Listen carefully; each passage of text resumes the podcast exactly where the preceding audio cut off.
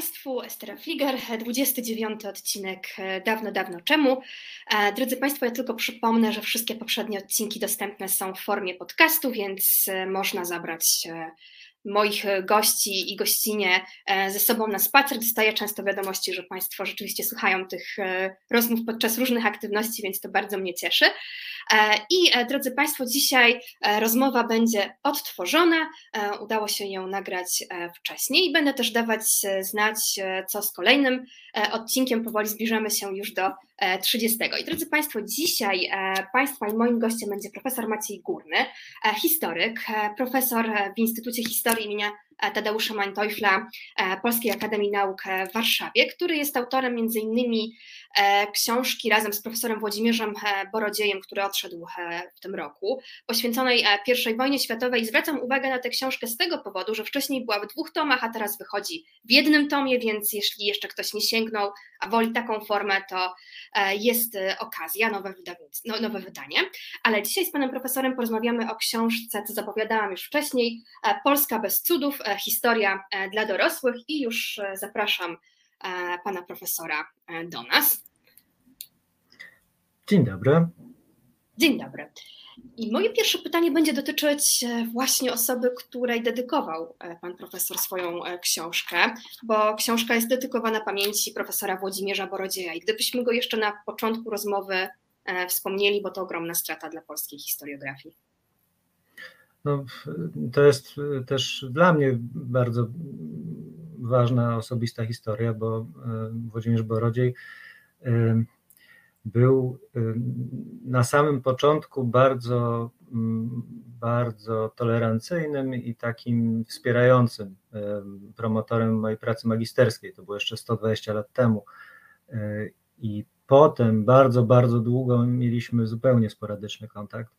Wróciliśmy do jakiejś bliższej współpracy, kiedy ja już się zacząłem starzeć i y, zaczęliśmy pracować nad tą e, pierwszą wojną e, światową. Czyli właściwie no, najpierw stał za absolutnie pierwszymi moimi naukowymi próbami, a, a potem współpracowaliśmy aż do, aż do jego śmierci. No i no i to był historyk, którego, y, którego odejście jest stratą y, dla nas wszystkich y, i będziemy sobie to, myślę, uświadamiać z czasem. Widzi się to najszybciej, widzi się to najszybciej za granicą. To znaczy, mało mamy osób w tym naszym cechu, tak e, międzynarodowych, tak swobodnie poruszających się e, w gronach no, naprawdę tych wysokich i tych decyzyjnych. No, Włodzimierz potrafił to robić, dobrze się tam odnajdował, a jednocześnie nigdy nie był człowiekiem nadętym, ani też nigdy nie został urzędnikiem, mimo że pełnił takie funkcje przez pewien okres w swoim życiu porozmawialiśmy chwilę o Pana e, mistrzu, a teraz porozmawiajmy o spojrzeniu Pana profesora na historię i jeśli się Pan profesor nie pogniewa, to ja powiem o tym na samym początku, co mnie tak w tej książce trochę, ja wiem, e, co mi się może nie spodobało za bardzo, ale może ja to źle czytam, może źle interpretuję, więc chętnie o tym podyskutuję. Taki bardzo zimny chyba dystans, nie wiem, e, czy to jest dobre słowo, do pojęć patriotyzm i polityka historyczna. Czy ja to dobrze interpretuję, że tak pan profesor z bardzo dużą rezerwą, a wręcz taką niechęcią do e, pojęcia polityki historycznej podchodzi, ale też czuję, że do tego patriotyzmu trochę chyba też. Trochę może mm. prowokacyjnie zapytam. No wie pani, to jest, to jest piękny dowód na to, że teraz będzie piękny dowód na to, że rozmowa, mimo że nagrywana wcześniej, nie jest ustawiona, bo ja jestem jak ta żaba teraz e, rozkrajana, absolutnie nieprzygotowany. No i to jest to jest też takie pytanie, y, no ten patriotyzm, bo polityka historyczna, to ja się mogę od razu przyznać, że y, uważam, że to jest absolutnie psu na budę i jak się to uprawia, to jest to kontrskuteczne. Y, najlepiej wychodzi, kiedy się jej nie robi. Znaczy, to jest realnie istniejąca rzecz, ale jak mówimy sobie, że realizujemy politykę historyczną, to z tego wychodzą takie gnioty jak teraz. Natomiast co do patriotyzmu, no to to jest taka, mm, no być może problem psychoanalityczny mój, bo ja w swoim własnym przekonaniu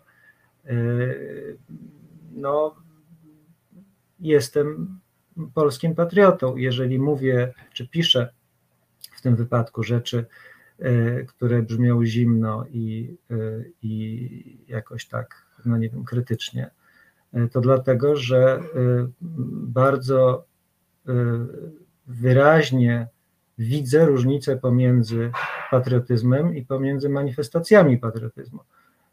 Wydaje mi się, że to absolutnie nie jest to samo i jeżeli ktoś z, z flagą i z wytatuowaną Polską walczącą szkodzi mojemu krajowi, to to mnie osobiście boli i wydaje mi się to zaprzeczeniem patriotyzmu. Więc tam znajdzie Pani pewnie, i do tego się mogę przyznać absolutnie szczerze, dużo krytyki wobec, wobec takiego właśnie no, wobec retoryki patriotycznej, natomiast nie przyznaje się do do jakiegoś negatywnego podejścia do, do patriotyzmu. E, znaczy, ja się nie przyznaję, no ale jak już powiedziałem, jestem jak ta żaba i jak, jak pani dobrze ciachnie, to może tam wyjdzie coś, czego sam nie podejrzewam. No, to, to też tak może być. Bardzo lubię żaby, więc nie będziemy tutaj może bardziej ich ciachać i gotować, ale o jedną rzecz dopytam w kontekście polityki historycznej. E, czy jeśli coś nie nazwiemy polityką historyczną, to przestanie nią być, bo podam taki przykład. Budowa Muzeum II wojny e, światowej w Gdańsku. Mówimy o oryginalnej wystawie przed wprowadzeniem poprawek będących emanacją obecnie prowadzonej polityki historycznej, ale sama budowa muzeum to przecież też jest polityka historyczna. No właśnie, to jest świetny przykład. Y, dokładnie o to mi chodzi. Naj, takim momentem, w którym czułem, że mój kraj faktycznie robi coś y, pozytywnego dla swojego wizerunku. Y, były rozmowy z moimi znajomymi, przyjaciółmi, historykami z Rumunii, z Ukrainy, z Węgier, którzy bez wyjątku, no ale dobra, no w takich kręgach się, się, się kręcę, to, to, to, to nie jest być może próbka reprezentatywna dla tych społeczeństw, no ale oni bez wyjątku z wielkim podziwem przyjmowali y, polskie reakcje, y, przede wszystkim reakcje y, środowiska historyków polskich na sprawę Jedwabnego. To, że tej jakby, no, że w reakcji na książkę Grossa ówczesny IPM, Krzysztof Persak i jakby, że to instytucje tego państwa zaczęły badać sprawę, że zamiast zamiatać pod dywan, podjęły to wyzwanie, to w ich oczach świadczyło o tym, że Polska prowadzi znakomitą politykę historyczną. Jest, powinniśmy być z tego dumni. Tak właśnie zrobiliby porządni, uczciwi ludzie i to jest ok. I Muzeum II wojny światowej jest, y, jakby jego założenie, jest odpowiedzią na, w moim przekonaniu, y, na realne potrzeby y, no, jakby no, popularyzacji, no, edukacji historycznej tego społeczeństwa. Tak? Ono zostało, ten, ten jego pierwotny zamysł polegał na tym, żeby uświadamiać ludziom cały wy, wymiar tej wojny, jakby ludzki, egzystencjalny, ale też światowy, żeby pokazać pomóc ludziom, którzy będą to oglądać, umieścić doświadczenie ich rodzin, doświadczenie, doświadczenie polskie w szerokim kontekście. Y, I to jest, no, oczywiście to jest właśnie, to, to, jest dokładnie to, o czym mówiłem na początku, to jest realna, realnie istniejąca polityka historyczna, natomiast y, przecież takie założenie nie bierze się z tego, że ktoś, że komuś z badań fokusowych wychodzi, że trzeba poprawić imidż kraju, więc y, wybudujemy muzeum. Jak komuś, jak ktoś zaczyna od badań fokusowych i y, zależy mu na tym, żeby poprawić imidż kraju, no to wychodzą z tego rzeczy na ogół złe, kulawe, mają krótkie i krzywe nóżki, a y, jak uczciwie wykonuje swoją pracę historyka, no to jest szansa, że będzie z tego coś, co faktycznie się przysłuży tej biednej ojczyźnie. Padło słowo, które ja bardzo lubię, popularyzacja. No i o to teraz e, zapytam pana profesora, jako no, historyka wywodzącego się e, z akademii e, i też może trochę e, pod, e, tutaj pod prąd i też nie wiem, czy tym pytaniem nie podpadnę, czy historycy akademiccy e, nie prze, przepuścili takiej szansy na popularyzację historii, czego efektem dzisiaj są róż, rozmaite potworki typu teza o sojuszu e, z trzecią Rzeszą. Czy historycy nie odpuścili w pewnym momencie e, właśnie misji popularyzacyjnej, zamknęli się e, w wieży z kości słoniowej, bo ta książka to jest właśnie popularyzacja w świetnym wydaniu, więc takie moje pytanie, czy pan profesor nie dostrzega niechęci historyków akademickich do samej idei popularyzacji? No, y, ja nie jestem pewien, y, bo y, mogę mówić za siebie. No, nie, bardziej, mi, bardziej mi się obawiał, że problem to jest brak umiejętności, a nie, a nie niechęć. Jakby człowiek umiał, to by to robił. A to jest, no dla mnie osobiście to jest straszny ból i, i, i ciężka praca, i myślę, że dla wielu koleżanek i kolegów też.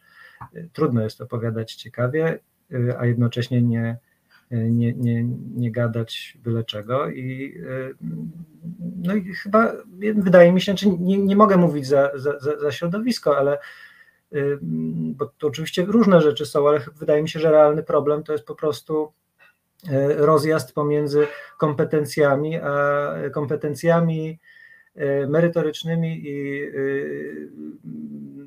umiejętnościami przelewania tego w jakąś współpracującą z czytelnikiem narrację. To, to pewnie bardziej niż programowanie niechęć. No, jedno z drugim może doskonale, doskonale współpracować. No, tak jak nie wiem, polskie kluby piłkarskie mogą prowadzić politykę informacyjną opartą na twierdzeniu, że nam wcale nie zależy, żeby wygrywać w europejskich pucharach. I historycy też tak mogą robić, twierdzić, że im wcale nie zależy na tym, żeby docierać do szerokiej rzeszy czytelników, no ale nie wierzyłbym tak do końca w szczerość takich, takich zapewnień.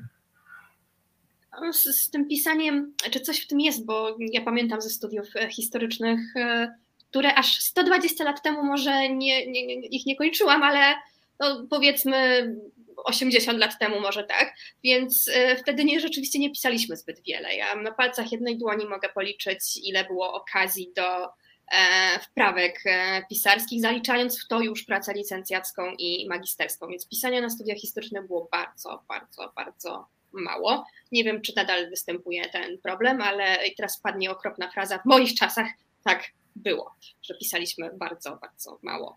No i wróćmy do samej idei e, tej książki. No właśnie, jaki to był, jaki to był pomysł, dlaczego historia dla dorosłych? E, historia dla dorosłych no to jest taka, e, to jest taki, takie echo e, rzeczy, o której ja tam nie opowiadam, dlatego że ona właśnie by tę książkę mm, uczyniła długą i mniej strawną niż, niż chciałbym, żeby była.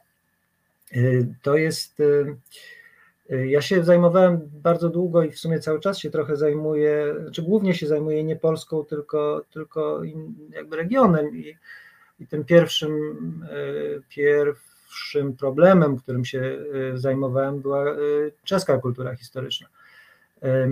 Tam mm, jednym z takich kluczowych wydarzeń, ważnych w ogóle dla kształtowania mm, tego, E, tego społeczeństwa w XIX wieku, ale też od, z, z, mocnym echem do dziś. Był spór o rękopisy, tak zwany spór o rękopisy. Chodziło o takie zabytki czeskiego piśmiennictwa średniowiecznego, które w XIX wieku działacz patriotyczny był odnalazł, a w rzeczywistości napisał i które jasno dowodziły, że czeska poezja Y, jest jeszcze starsza niż niemiecka, jeszcze piękniejsza i y, no jest, są y, piękne witraże muchy z, z motywami z tych rękopisów, dużo tam uroczych, uroczych artefaktów kultury opartych na tym. No tylko, że właśnie wyszło na jaw, że to jest sfałszowane. I kiedy to, kiedy historycy ze szkoły krytycznej czeskiej, przede wszystkim Jarosław Gol, to no, ujawnili, opisali, przeanalizowali te teksty, no to wywołali oczywiście burzę oburzonych patriotów, którzy no, wymagali, żeby historia mówiła to, co mówić ma, a nie to, co, to, co mówi rzeczywiście. I Jarosław Gol wtedy napisał, nie, nie pisał jakoś dużo dużych tekstów, napisał taki artykuł, e, w którym między innymi no, w sposób, e, jak na ten e, styl pisania w drugiej połowie XIX wieku dosyć brutalny i taki prosty, napisał, że historia nie jest dla dzieci. To nie jest bajka, w której na koniec ta księżniczka się uratuje. No i zasadniczo często się kończy źle i jest w ogóle zabawą dla dorosłych, a nie, a nie dla dzieci. Więc ja miałem z tyłu głowy e, te historie. To jest trochę też, to jest też trochę znowu to, od czego pani zaczęła, to jest ten, ten, ten patriotyzm. No, w moim przekonaniu Jarosław Gol był wielkim czeskim patriotą, właśnie dlatego, że mówił prawdę. Niektóre z fragmentów brzmią bardzo aktualnie, na przykład ten o inflacji, e, ale również ten dotyczące sporów wokół 11 e, listopada. E, I chciałabym o to zapytać, o ustanowienie święta niepodległości. Gdyby pan profesor opowiedział, co było wówczas, tak, zaraz po odzyskaniu niepodległości, osią sporu, o to kiedy świętować, jak świętować i też czy to była wyłącznie polska specyfika? To może tak, no, zacznę od końca, to znaczy od tego, że to oczywiście nie była tylko polska specyfika. Po I wojnie pojawiło się tutaj kilka nowych państw, inne zmieniły swoje granice, no niektóre się skurczyły, inne bardzo urosły i jedne i drugie miały nowe, nowe rzeczy do upamiętnienia. Bo to, to zresztą do dzisiaj funkcjonuje, nie tylko w tym regionie świata, E, tu się celebruje równie chętnie klęski, jak i zwycięstwa, a może nawet czasem te klęski chętniej. No i tak naprawdę jednej wyraźnej daty, w której takie kraje jak nie wiem, Estonia, Litwa, Łotwa, Polska czy Czechosłowacja uzyskały niepodległy byt, czy odzyskały niepodległość, właściwie nie można uczciwie wskazać, bo to za każdym razem były procesy, które trwały no, czasem no, dłużej niż rok, czasem to było rozciągnięte w miesiącach. Y, w, tym, w tych okresach, y, w dodatku jeszcze y, jakby historia toczyła się wtedy w kilku planach, no bo właściwie w każdym z tych wypadków były jakieś tam siły polityczne działające na zachodzie Europy, jakieś tam działające w kraju, jakieś tam współpracujące z mocarstwami centralnymi, a jakieś tam przeciwko nim. I każda z tych, z każdej z tych scen potencjalnie można było wyciągnąć symboliczne daty i z nich uczynić oś tej kultury pamięci w okresie międzywojennym. No i różnie to, różnie z tym było, natomiast jedną regułą, która też w polskim wypadku obowiązuje, e, stało się, że e, ten, e, te daty, one jednak częściej były narzucone przez najsilniejszego uczestnika gry politycznej w okresie międzywojennym, niż były efektem dyskusji czy, czy jakiegoś kompromisu.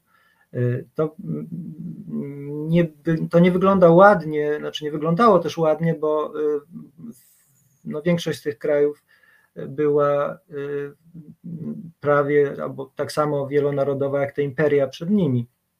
A więc to narzucenie jakiejś tam formy, jakiejś daty, jakichś symboli niepodległości, one, ono było też narzędziem, czy też symbolem dominacji Y, jednych nad innymi. A w przypadku, w tym szczególnym przypadku polskim, 11 y, listopada y, był absolutnie nie, nieoczywistą datą, no bo 11 listopada akurat w Polsce nie wydarzyło się nic szczególnego, na, włącznie z tym, że Piłsudski do Warszawy nie przyjechał 11 listopada, tylko dzień wcześniej, więc, więc nawet to nie.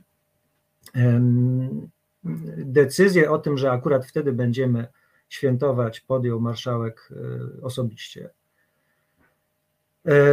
I przez dłuższy czas ona się właściwie utrzymywała taką siłą, siłą inercji, siłą jego autorytetu, bo jednorazowo poprosił kolegów ministrów o zwolnienie uczniów z lekcji w tym dniu, a w kolejnych latach, po 26 roku, ministrowie oświecenia bali się odwołać tego jednorazowego, nie wykonać tego jednorazowego zalecenia z poprzedniego roku.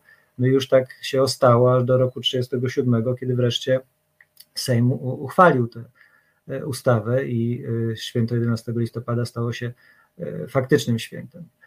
No i jakby to jest jedna historia takiej jakby samego ustanawiania, które, które ewidentnie no, koreluje z, z ustanawianiem porządku sanacyjnego, czyli jest, no jest i było przez, przez niektórych w, w Polsce nie tylko mniejszości narodowe, ale też endecje czy, czy, czy socjalistów, czasami odczuwane jako takie wciskanie butem w ziemię i narzucanie jakiejś tam, jakiejś tam symboliki.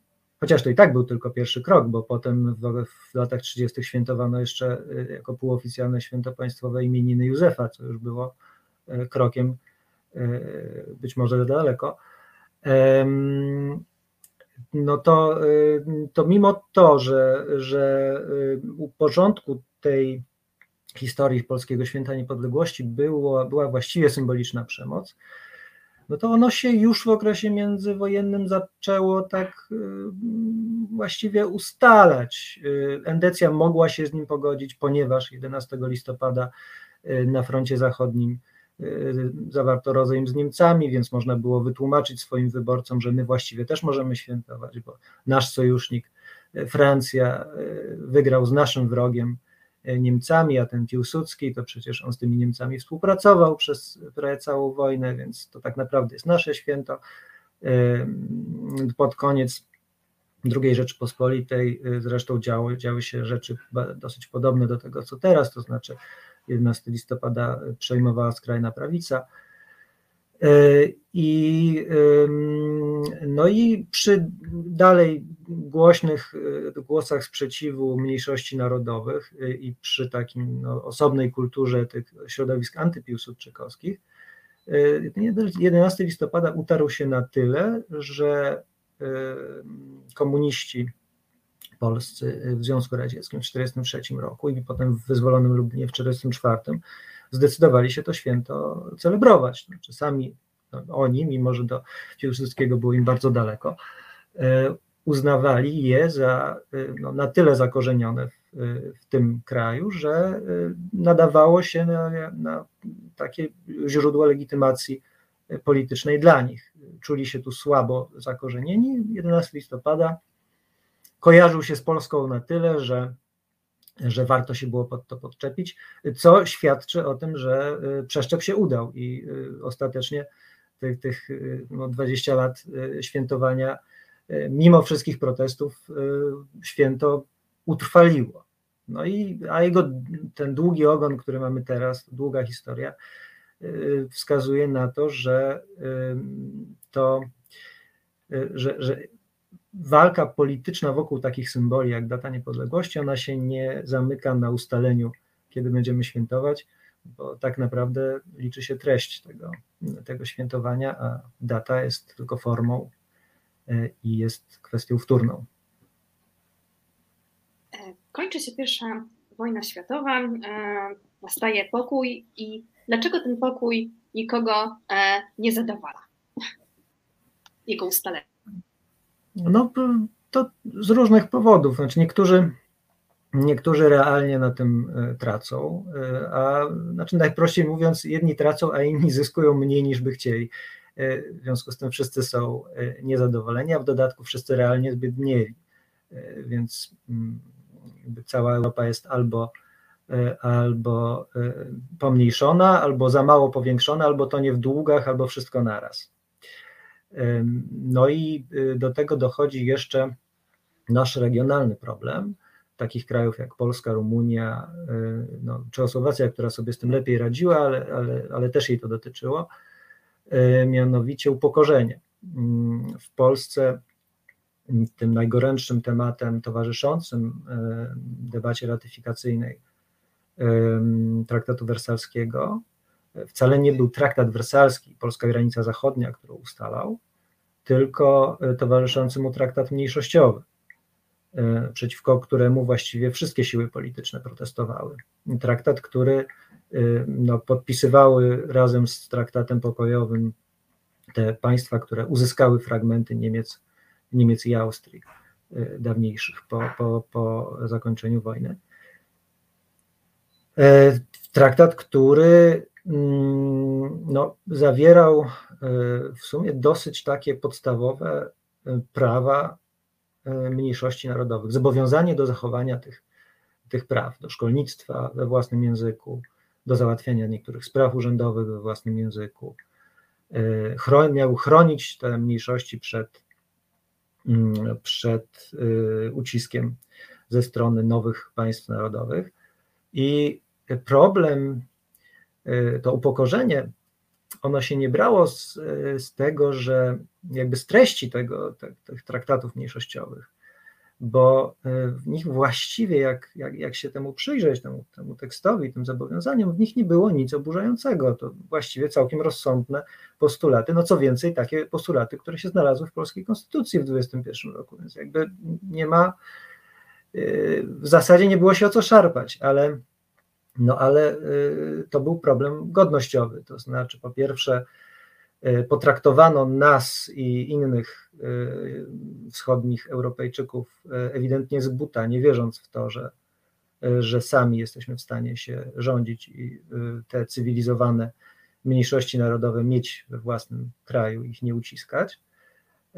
No a po drugie, y, potraktowano nas y, skrajnie nierówno, y, wciskając te, te mm, zobowiązania nowo powstałym państwom i nie wprowadzając zasady wzajemności. Nie tylko, nie tylko podobnych zobowiązań nie wzięły na siebie zwycięskie mocarstwa, ale też nie obciążyły nimi na przykład Niemiec. To znaczy, że polska mniejszość w Niemczech, która wcale nie była taka mała, aż, e, aż do czasu, kiedy e, za sprawą hitlerowskiej polityki e, zrobiła się bardzo, bardzo nieliczna. Polska mniejszość nie cieszyła się taką ochroną traktatową jak mniejszość niemiecka. Mhm. I pozostając może wokół, wokół końca wojny, ale też i wcześniejszego okresu, to jest taki moment, w którym jest zainteresow- pojawia się zainteresowanie Polską, o czym jest jeden e, z rozdziałów. A więc jak to się stało, że niemieccy żołnierze czytali chłopów Reymonta? No to jest dosyć, e, dosyć zabawna historia, która e, no, zaczyna się od człowieka, który sam był ucieleśnieniem takiej takiego wzorca męskości y, końca XIX wieku, kiedy wielu ludzi było przekonanych, że na przykład y, swoje popędy należy sublimować w twórczą pracę. Y, noszono pierścienie, tam wstrzemięźliwości, jakieś takie różne cuda. Należy koniecznie pojechać na Kaukaz, zobaczyć te piękne góry. No i jeszcze tam inne rzeczy trzeba symbolicznie tam, albo mniej symbolicznie wykonać. Tym człowiekiem był Eugen Diederichs, e, właściciel mm, wydawnictwa Wienie, e, które to wydawnictwo, no, ono wydawało śmiałe rzeczy, dużo feministycznej literatury na przykład, bo y, to Diderich łączył y, zamiłowanie do ezoteryki, y, jakichś takich historii magicznych jak Adam Bławacka, postępowego feminizmu, nacjonalizmu, rasizmu, no wszystko to tam łączyło mu się w jakiś taki konglomerat i w tym konglomeracie mieścił się też Raymond. E, mieścił się, e, mieścił się zresztą nie tylko, mieścili się zresztą nie tylko chłopi, mieściła się też ziemia obiecana, która w trakcie I wojny wyszła. Jej reklamy, y, kiedyś zdarzyło mi się czytać, to są fantastyczne reklamy dla niemieckiego czytelnika, które operują takim hasłem e, walka na śmierć i życie pomiędzy dwiema rasami i trzema narodami.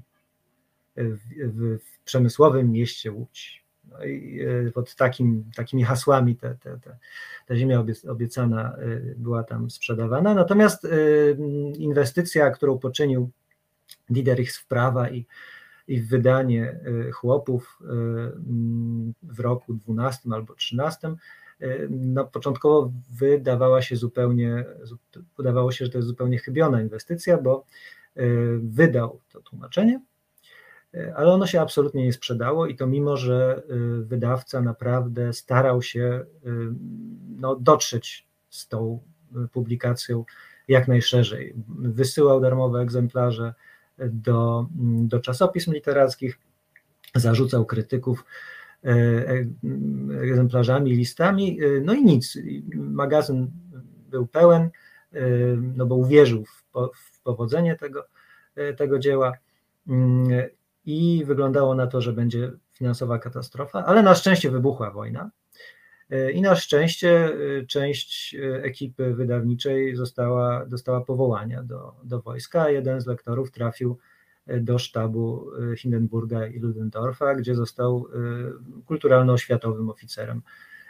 I on właśnie zasugerował zwierzchnikom, że dla mm, oficerów mających stacjonować w okupowanym Królestwie Polskim, lektura chłopów będzie najlepszym źródłem informacji o stosunkach miejscowych. Przede wszystkim o tym, o czym się kiedyś bardzo dużo mówiło i pisało, a teraz trochę, to, trochę mniej, ale no ale mniej więcej wiemy o co chodzi, o charakterze narodowym polskiego chłopa. Jak do niego zagadać, żeby on to mleko dał? E, to tego się mieli dowiedzieć z chłopów. Nie wiem na ile to czytelnictwo było realne, bo, no bo w sumie akurat służba w tych siłach okupacyjnych to, to zapewne zostawiała stosunkowo więcej czasu niż na froncie na czytanie. No w każdym razie magazyn Diderichsa opróżnił się bardzo szybko no bo teraz każdy oficer miał to, te oba tomy, bo to w dwóch tomach było, zdaje się, wydane, przeczytać. No i ta historia ma jeszcze ciąg dalszy, który jest jeszcze, jeszcze bardziej, można powiedzieć, kosmiczny, mianowicie, jak wiadomo, w 1924 roku Raymond dostał Nobla.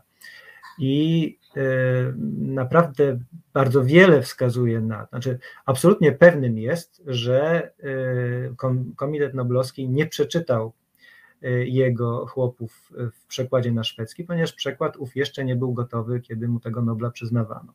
Wiadomo też, że nie przeczytał przekładu francuskiego, bo też go nie było, ani angielskiego, bo też go nie było. Ten niemiecki Diderichsa był jedynym, z którego Komitet Noblowski mógł E, korzystać, o ile zakładamy, że Komitet Noblowski faktycznie czyta te, te książki, za które daje nagrodę, co jest oczywiście ryzykownym e, założeniem, no ale ktoś tam musi z pewnością. E, polskie poselstwo w Sztokholmie zresztą zamawiało po wojnie egzemplarze u Diderichsa kolejne, więc musiały następne być do druki, żeby to w Szwecji dystrybuować. No i kiedy już ostatecznie E, zawiodły plany młodego państwa polskiego, które najpierw chciało e, dostać e, Nobla, za, Nobla dla Żeromskiego i przestawiliśmy się na, na operację Raymond, to te książki wydane przez, przez dziwaka Diderichsa i potem używane przez armię niemiecką utorowały drogę do, do Nagrody Nobla. No ale takich historii jest, znaczy może nie aż tak spektakularnych, niekończących się Noblem, y, jest y, więcej, bo pierwsza wojna, poza tym całym nieszczęściem, które przyniosła i zniszczeniem, ona też była dla niemieckojęzycznej, dla niemieckojęzycznego rynku księgarskiego, który był wtedy największy w Europie i teraz też jest największy w Europie. Ona była takim no, potężnym boostem e, zainteresowania tymi wszystkimi krajami, w których e, unsere Feldgrauen, e, czyli nasi, nasi dzielni żołnierze, przez, przez które maszerowali, które zdobywali i tak dalej. No kto, nasi sojusznicy Bułgarzy na przykład, no Bułgaria przeżywała wtedy boom zainteresowania, tyle wydawnictw o Bułgarii, jak wtedy w latach wojny się przedtem ani później nie, nie ukazywało. Ukraina przeżywała absolutny boom, to, to, to jakby też nie jest wyłącznie nasza historia.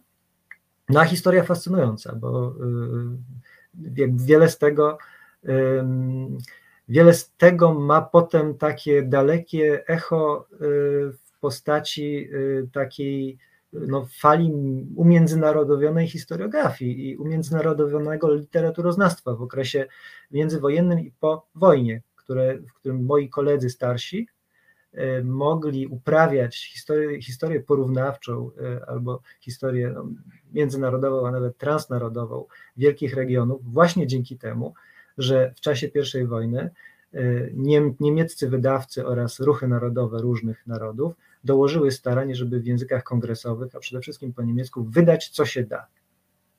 Dzięki temu, jak ktoś nie zna albańskiego, to może sięgnąć do francuskich albo e, niemieckich wydawnictw z okresu I wojny światowej, w których część tej albańskiej klasyki i opracowań na temat Albanii może znaleźć.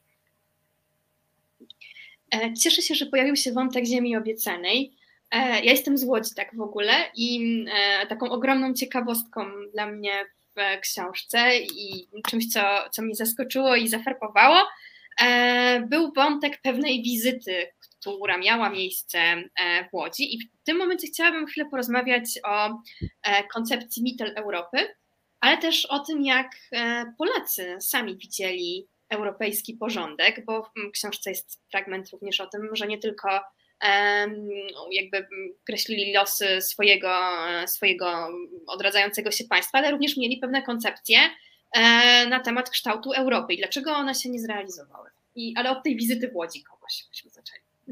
Hmm, e, no, pierwsza wojna to w ogóle jest taki okres, w którym no, wodze fantazji wielu politykom zdarzało się, zdarzało się popuścić. No i były potem okazje. No, wizytę w Łodzi e, złożył sam Friedrich Naumann,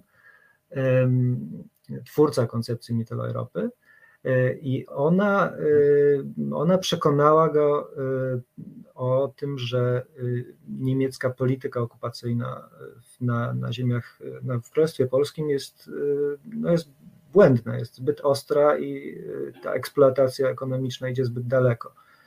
Naumann e, planował e, porządek tego regionu na pokój, który miał nadejść po wojnie i to nie był porządek e, oparty na niemieckiej hegemonii, tylko no coś w rodzaju takiego mm, takiego związku handlowego.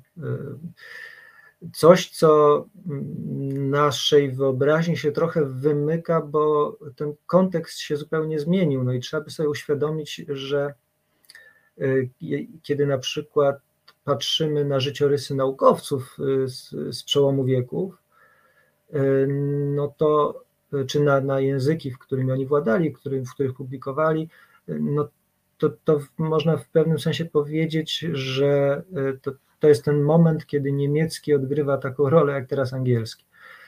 I mm, ten, ten pomysł Naumana, takiej wielkiej unii właściwie handlowej, E, gospodarczej e, opartej na Niemcy, na Rzeszy i na, na Austro-Węgrzech i z udziałem wszystkich tych krajów e, i ziem w, w środku Europy i na Bałkanach, aż po Turcję. No, to był jakby z jednej strony pomysł na współpracę gospodarczą, na jakiś tam blok polityczny, który oczywiście miał tak naprawdę wzmacniać Niemcy i w taki sposób miękki Y, czynić z nich y, międzynarodowego gracza, który w oparciu o tę współpracę no, będzie miał taki leverage, że tak powiem, jak to, jak to się teraz mówi, i będzie mógł y, z, z Wielką Brytanią na przykład jak równy z równym grać w wielkiej polityce. No ale był w tym też taki komponent kultura, kulturowy, no, kulturowy, językowy, Y, ten, ten pomysł miał ręce i nogi, bo on się miał na kim oprzeć. W każdym z tych krajów, Rumunii, w Polsce, w Bułgarii, istniały elity, które były niemieckojęzyczne po niemieckich uniwersytetach i dla których współpraca z Niemcami była y, taką złotą drogą, taką trzecią drogą modernizacji. Y, nieskrajnie liberalną, umiarkowaną, honorującą wartości konserwatywne, monarchiczną, no ale zawsze modernizacją. Coś takiego, mm, to jest taka formacja, są takie formacje umysłowe, które pewnie najbliżej szkoły krakowskiej należałoby umieścić. To znaczy tacy, tacy konserwatyści, taka prawica, która nie zwalcza mniejszości narodowych, nie jest nacjonalistyczna, ale jest konserwatywna. W polskim wydaniu ten konserwatyzm oznacza katolicyzm.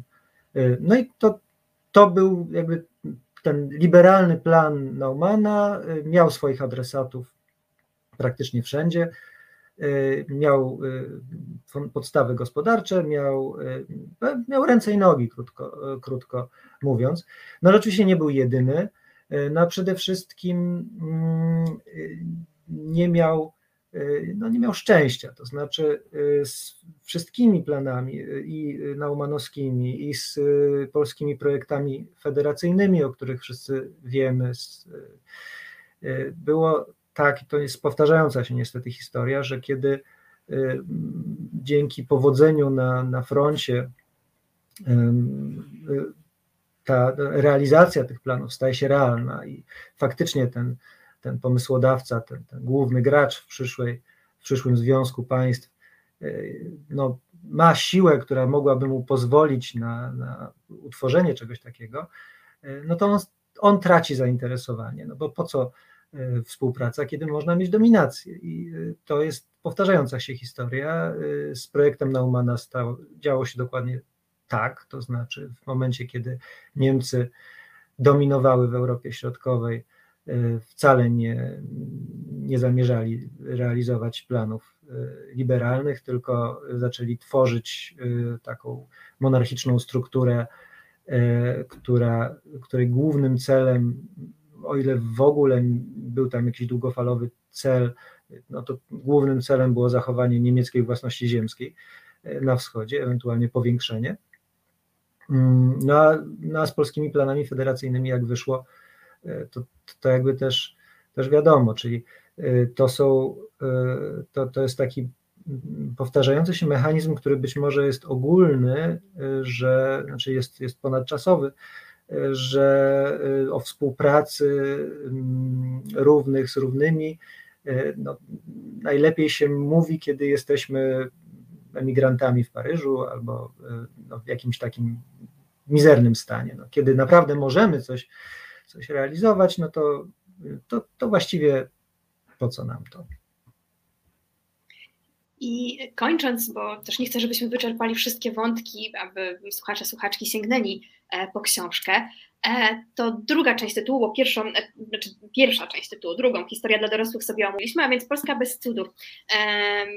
Bardzo mi się podoba ten fragment e, z tego, co pisał Józef Piłsudski e, na temat e, wojny polsko-bolszewickiej, bitwy warszawskiej, zwłaszcza urzekł, przytoczony w książce, zwłaszcza urzekł mnie ten fragment, kiedy Józef Piłsudski pisze o tym, iż była spora przestrzeń, aby łosie mogły sobie swobodnie wędrować. No właśnie, na czym polega, tak, na czym polega przewrotność tego opisu, tego, co Józef Piłsudski zdradza o tej wojnie w tym obszernym fragmencie przytoczonym w książce. No to jest jednocześnie, e, to jednocześnie świadczy o jego inteligencji i, i amatorszczyźnie w, tym, w tej roli, którą, którą wykonywał. E, bo to, to co Józef, znaczy tłumacząc to na co, na, na język no, Polski, tę te, te bardzo taką młodopolską frazę, którą on tam e, umieszcza, zresztą w tekście w zasadzie przeznaczonym dla szkół wojskowych, więc to jest absolutnie fantastyczna rzecz.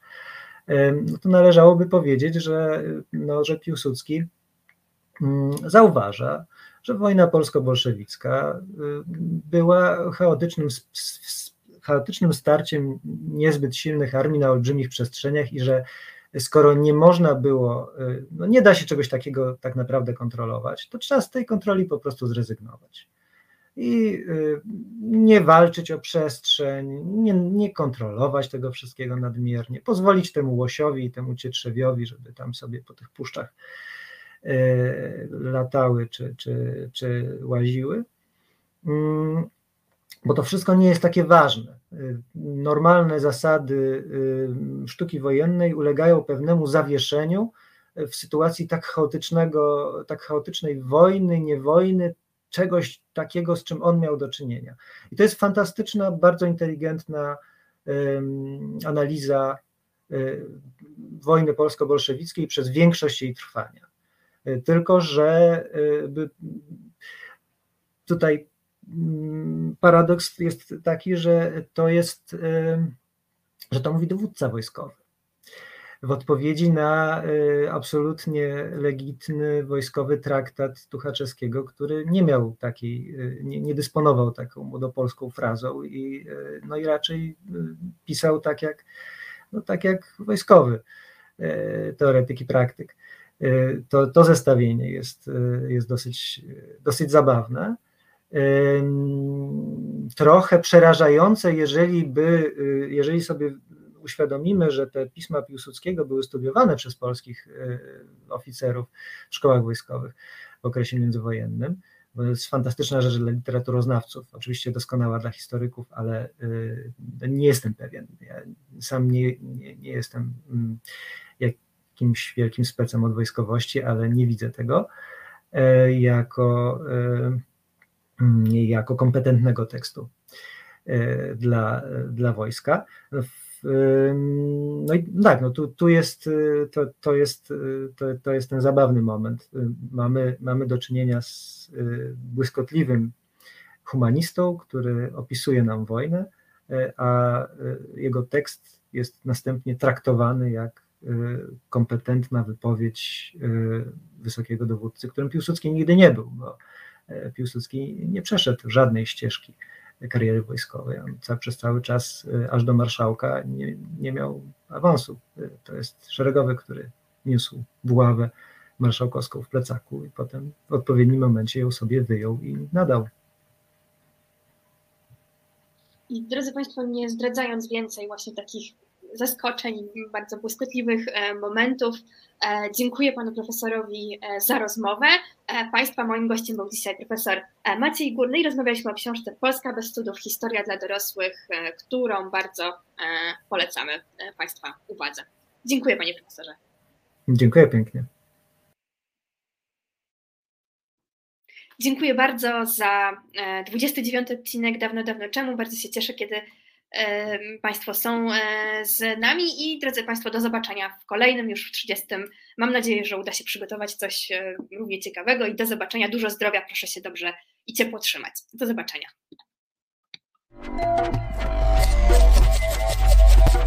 Reset Obywatelski.